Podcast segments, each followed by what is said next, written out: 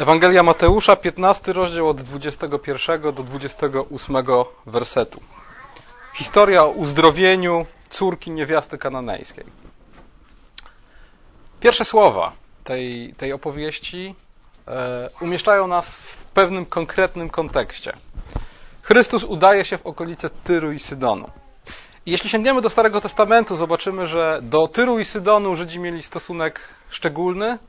Tyr i Sydon miały pewne symboliczne znaczenie.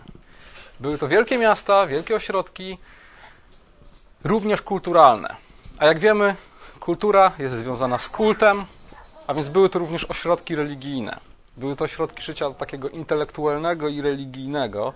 Tyr i Sydon wymieniane są zwykle obok siebie, dlatego że te miasta tworzyły polityczny związek. Niekiedy dominował w tym związku Tyr, innym razem Sydon. W pierwszej księdze królewskiej, w dziewiątym rozdziale, czytamy o Hiramie, królu Tyru, i czytamy, że był on przyjacielem, ale również wasalem Salomona. Był politycznie zależny od Salomona, był jego przyjacielem i politycznym sojusznikiem i brał udział w budowie świątyni jerozolimskiej, dostarczając na ten cel materiały budowlane. Z kontekstu całej historii Hirama króla Tyru wnioskujemy, że w tym czasie nie tylko politycznie Tyr był wasalem Izraela, również duchowo Tyr był pod wpływem wiary w prawdziwego Boga, pod wpływem izraelskiej religii. Stąd udział króla Hirama w budowie świątyni. A więc słuchajcie, w czasach Salomona działo się to, o czym mówił prorok Izajasz. Izrael był światłem dla narodów. Wiara w prawdziwego Boga promieniowała z Izraela na inne narody, na sąsiednie narody i docierała również do Tyru, gdzie sam król Hiram najprawdopodobniej był wyznawcą prawdziwego Boga. Ale słuchajcie, już parę rozdziałów dalej, w pierwszej księdze królewskiej, w szesnastym rozdziale, tutaj z kolei sytuacja polityczna się odwraca i to Sydon dominuje nad Tyrem. W szesnastym rozdziale pierwszej księgi królewskiej spotykamy nową królową Izraela, Izabel, córkę króla Sydonu. I co się okazuje? Okazuje się, że tym razem to nie Izrael promieniuje prawdziwą wiarą, światłem prawdziwej wiary na ościenne narody, tylko że to Izrael przyjmuje wzorce z obcych narodów. Izabel, jak pamiętacie, była żoną Achaba i była tą osobą, która wprowadziła oficjalny, niemal państwowy kult Bala w Izraelu. Izrael pogrążał się w, bał, w bałwochwalstwie stopniowo od czasów Salomona. Północne królestwo od czasów Jeroboama trwało w tak zwanym liturgicznym bałwochwalstwie. To znaczy oddawali cześć prawdziwemu Bogu, ale w zły, niebiblijny sposób. W czasach Izabel i jej męża Achaba Izrael stał się krajem państwowego, przymierzowego bałwochwalstwa, a więc miejscem, gdzie nie, już nie oddaje się czci prawdziwemu Bogu w zły sposób, ale gdzie wprost oddaje się cześć demonom, wprost oddaje się cześć fałszywym bogom, głównie Balowi, który był bogiem Sydonu. Sydon, Tyr i Sydon, okolice Tyru i Sydonu, to była właśnie ojczyzna Bala. A więc widzicie, Tyr i Sydon pojawiają się w różnych momentach historii Izraela. Wtedy, kiedy Izrael jest wierny Bogu, Tyr i Sydon jest miejscem, gdzie Żydzi niosą światło prawdziwej wiary. Kiedy Izrael upada i oddala się od Boga, Tyr i Sydon stają się źródłem fałszywej wiary i bałwochwalstwa, które trafia do Izraela i które staje się jego przyczyną jeszcze głębszego upadku. A więc słuchajcie, jeśli Chrystus udaje się w okolice Tyru i Sydonu, jeśli tam spotyka kananejską niewiastę i tam odpowiada na jej wiarę, dokonując cudu, widzimy, że Chrystus jest zdobywcą. Chrystus jest tym, który odbudowuje i odzyskuje to, co zniszczono i utracono w wyniku niewierności Izraela. Chrystus w tym momencie, wzorem swoich przodków, Dawida i Salomona, idzie tam, gdzie Izraelici powinni być już dawno, idzie tam, gdzie już dawno światło Ewangelii powinno dotrzeć, a jednak nie dotarło, dlatego że Żydzi okazali się niewierni swemu powołaniu i zamiast stać się światłem dla innych narodów, sami zaczęli przyjmować wzorce obcych narodów. Światło stało się ciemnością. Jak mówi Chrystus, jeśli światło staje się ciemnością, jeśli twoje oko staje się ciemnością, wtedy już na nic się nie nadaje. A więc początek tej historii pokazuje nam Chrystusa, który jest wypełnieniem proroctwa Izajasza o tym, że sługa pański jest światłością pogan i niesie Ewangelię aż po krańce ziemi. Obok Chrystusa, główną bohaterką całej tej opowieści jest oczywiście kananejska niewiasta. W jakiej osobistej sytuacji jest, to widać. Ma córkę i ta córka jest okrutnie dręczona przez demona. Trudno pewnie nam wyobrazić sobie taką sytuację. Dziecko, które jest gorzej niż chore. Dziecko, które obserwujemy, jak, jak włada nim demon. To słuchajcie, wszyscy wyobrażamy sobie, jak może to wyglądać. Wygląda to pewnie jak choroba psychiczna, tylko dużo gorzej.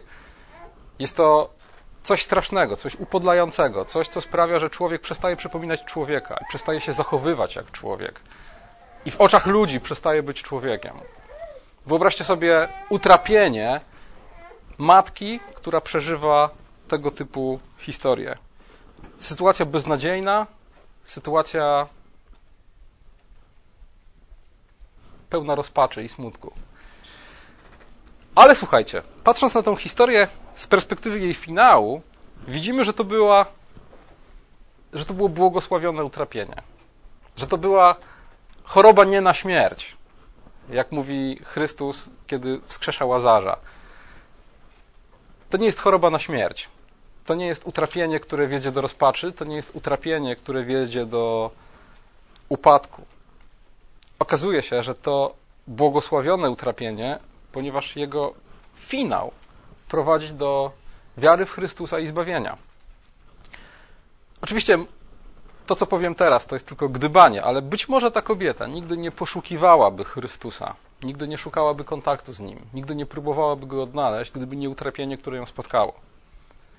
Ona szukała syna Dawidowego, tak go nazywa, a więc wiedziała, kim jest. Prawdopodobnie dlatego, że również do, Syru i Ty, i, do Tyru i Sydonu dochodziły informacje o cudach, które czynił. Szukała go, bo miała problem, z którym nie była w stanie sobie poradzić, problem, który doprowadzał ją do rozpaczy i uwierzyła w to, że ten niezwykły człowiek jest w stanie jej pomóc, bo jest synem Dawida. Prawdopodobnie w okolicach Tyru i Sydonu pamięć historyczna w społeczeństwach dawnych była bardzo długa. Oni prawdopodobnie do tych czasów wspominali Dawida i Salomona. A więc doskonale wiedziała, co to znaczy syn Dawida. Wiedziała, że to jest syn wielkiego króla, że to jest syn Bożego pomazańca. W Psalmie 119, w 71 wersecie czytamy takie słowa.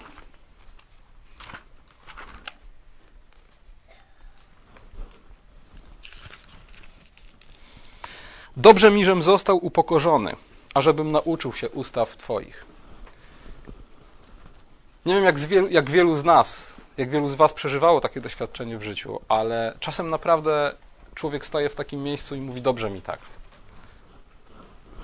Przydała mi się ta choroba, przydał mi się ten smutek, przydało mi się to upokorzenie, ponieważ bardzo wiele się nauczyłem. Ponieważ jestem dzisiaj mądrzejszy, jestem dzisiaj bliżej Boga, uniknąłem nieszczęścia.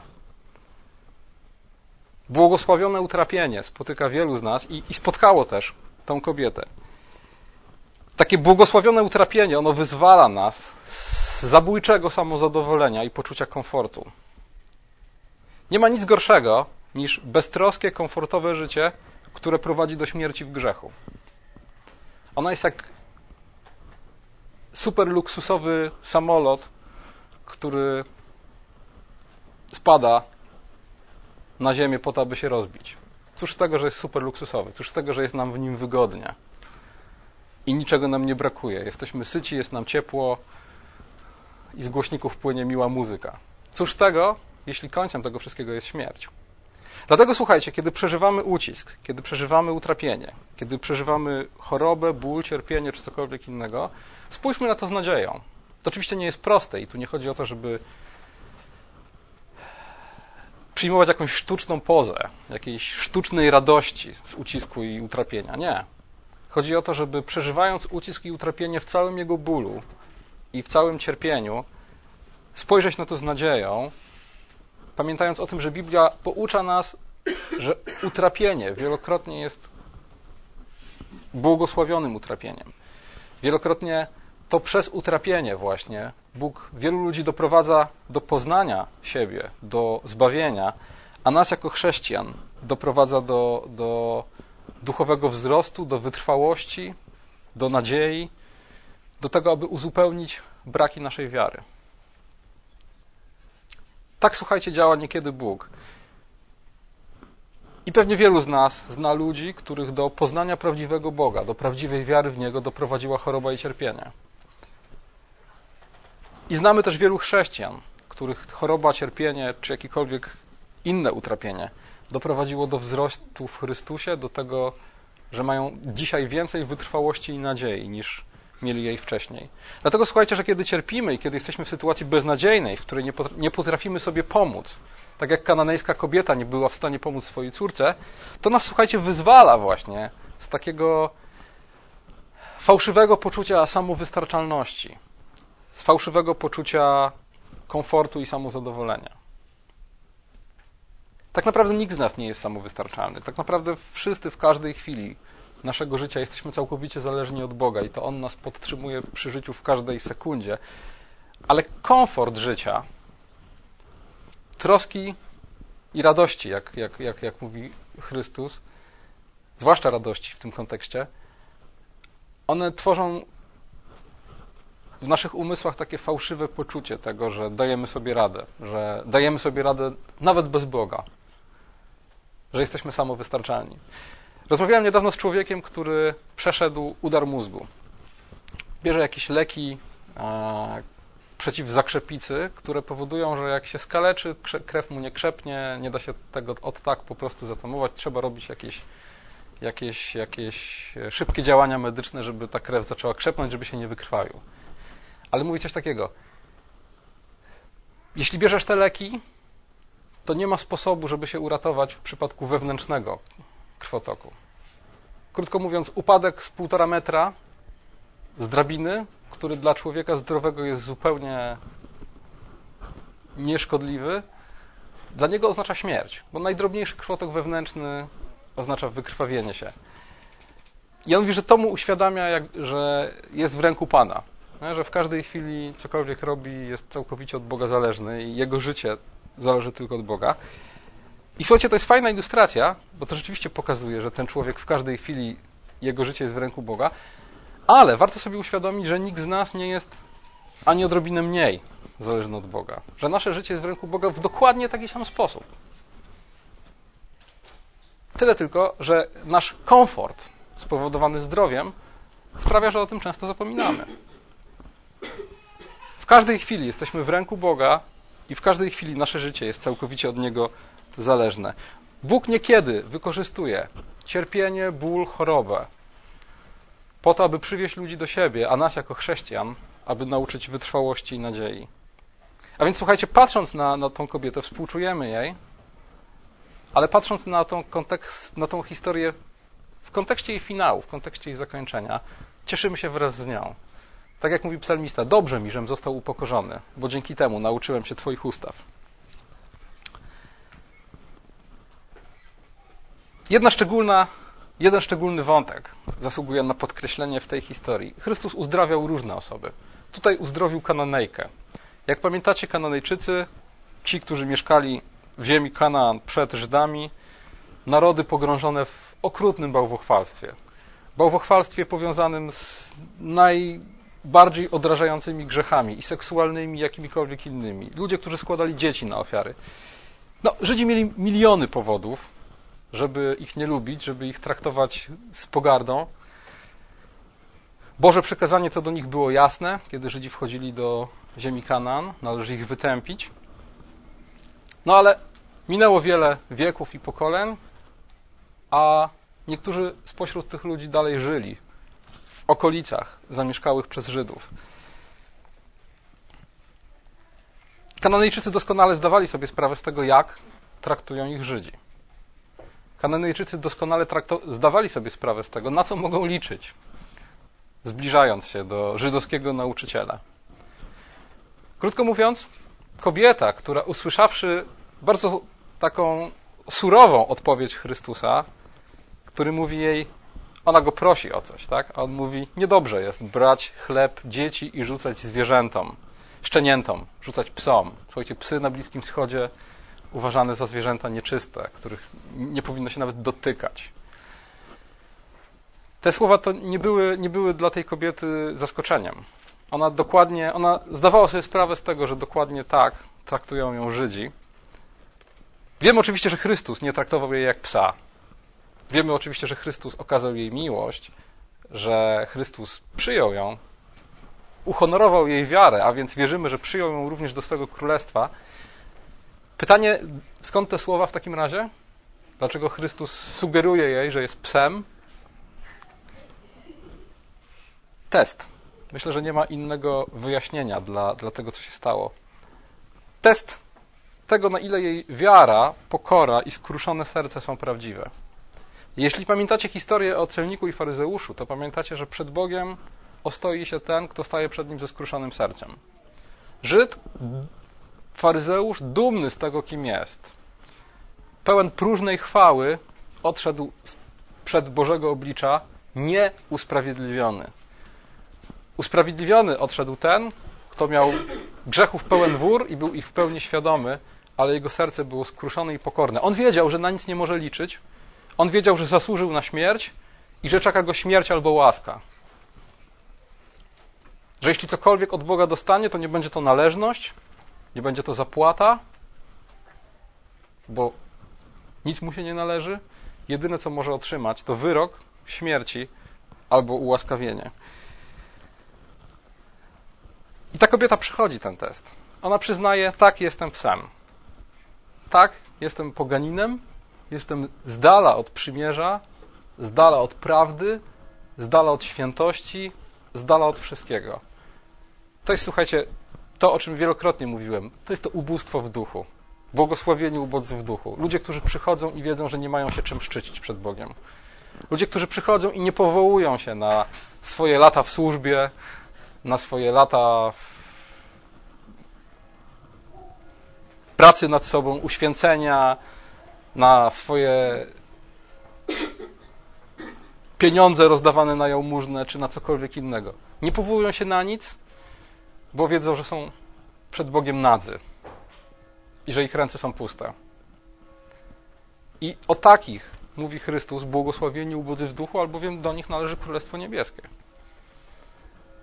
Ta kobieta została poddana testowi. Zasugerowano jej, że jest psem, że jest kimś gorszym, że Boże dary, jeśli się komukolwiek należą, to, to dzieciom, Izraelitom, nie jej.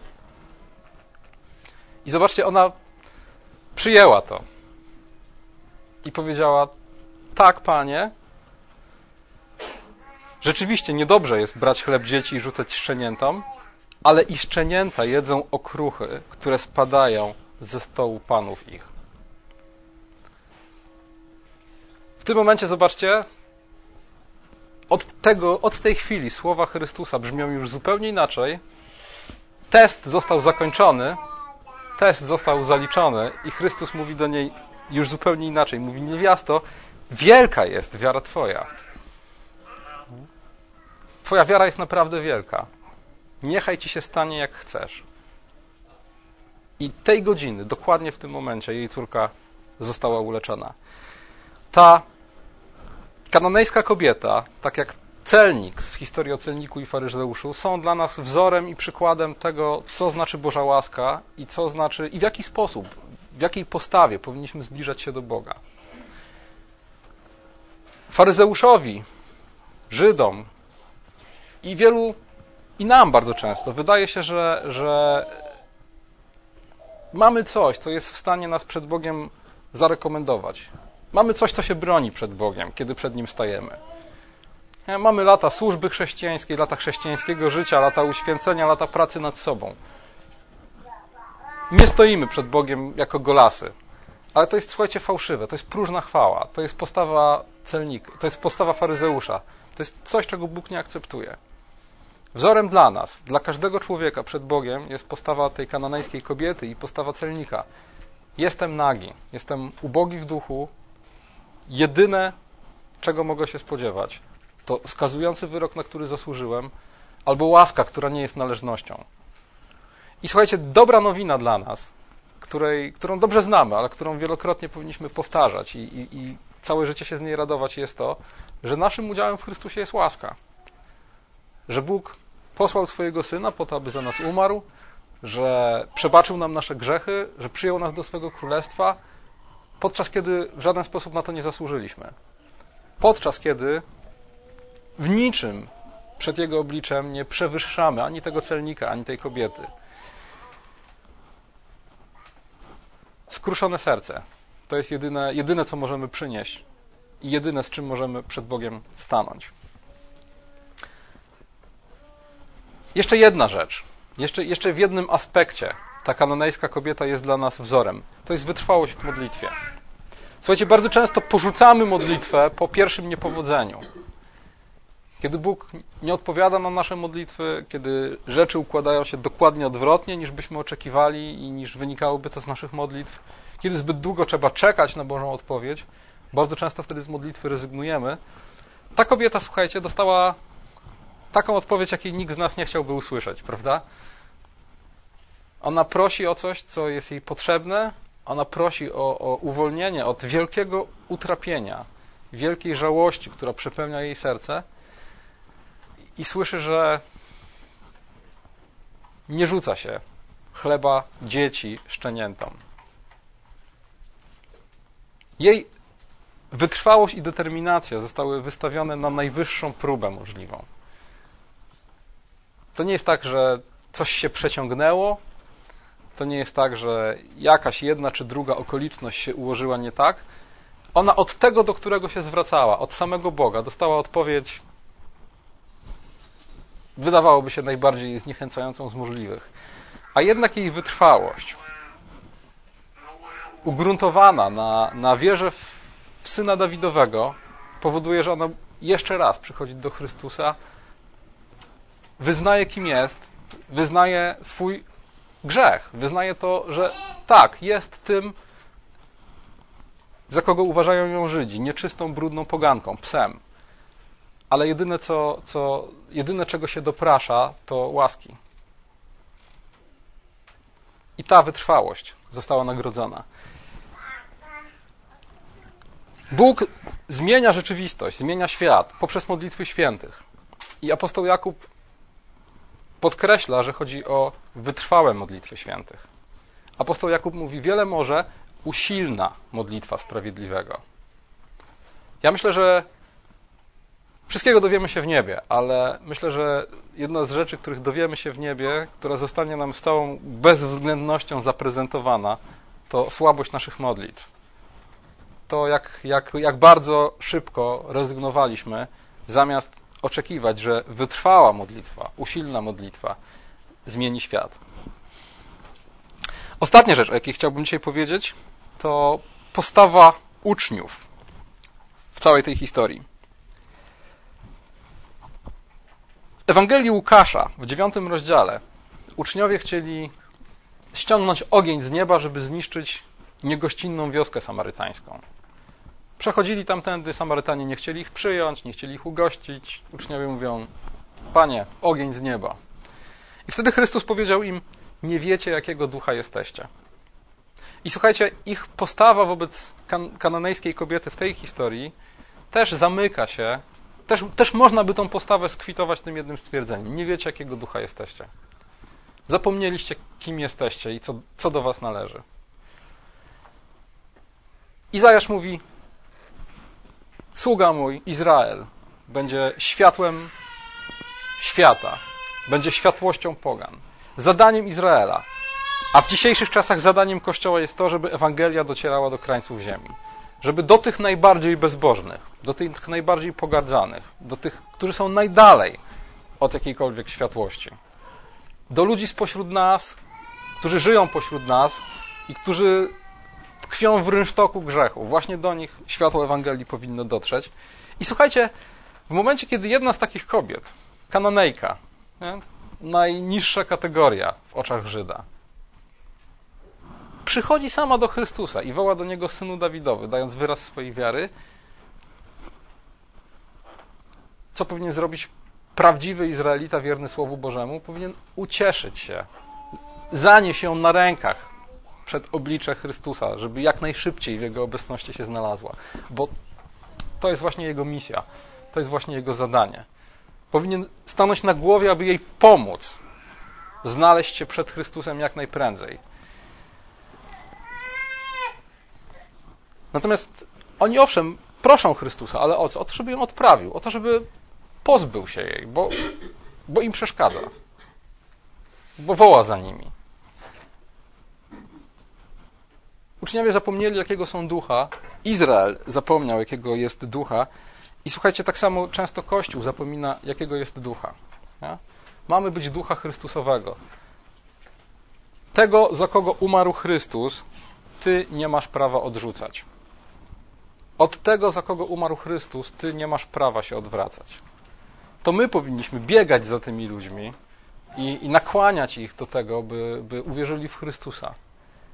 A jeśli oni sami chcą to robić, to jeśli oni sami robią pierwszy krok, to powinniśmy stanąć na głowie, aby im kolejne kroki ułatwić.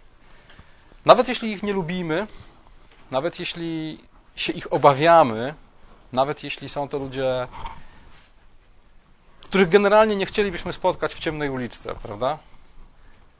Tak jak wtedy byli Kananejczycy i Samarytanie, tak słuchajcie, dzisiaj są jest dziwnie ubrana młodzież, którą omijamy, cyganie, ludzie, którzy w jakiś ostentacyjny sposób grzeszą i objawiają swój, swoje lekceważenie dla, dla wszystkiego, co dla nas święte. Często właśnie w naszej postawie wobec tych ludzi okazuje się, że nie wiemy, jakiego jesteśmy ducha, że zapomnieliśmy o naszej misji i powołaniu, a tą misją i powołaniem jest być światłością świata. Musimy pamiętać, patrząc właśnie na tych wszystkich ludzi, których nie lubimy i obawiamy się, i to jest chyba tak naprawdę lekarstwo. To jest tak naprawdę sposób na to, żeby przypomnieć sobie, jakiego ducha jesteśmy. Musimy pamiętać, że przed Bogiem nie jesteśmy nic lepsi od nich i że tak jak oni, jedyne co mogą zrobić, to stanąć, stanąć nadzy przed Bogiem. Stanąć jako ubodzy w duchu, oczekując na śmierć lub łaskę, że dokładnie w takiej samej pozycji wobec Boga jesteśmy my. A jeśli cokolwiek mamy dzisiaj ponadto, jako Boże dzieci, nie jest to owocem naszych wysiłków, nie jest to owocem naszej świętości, a jedynie darem Bożym w Chrystusie. Amen.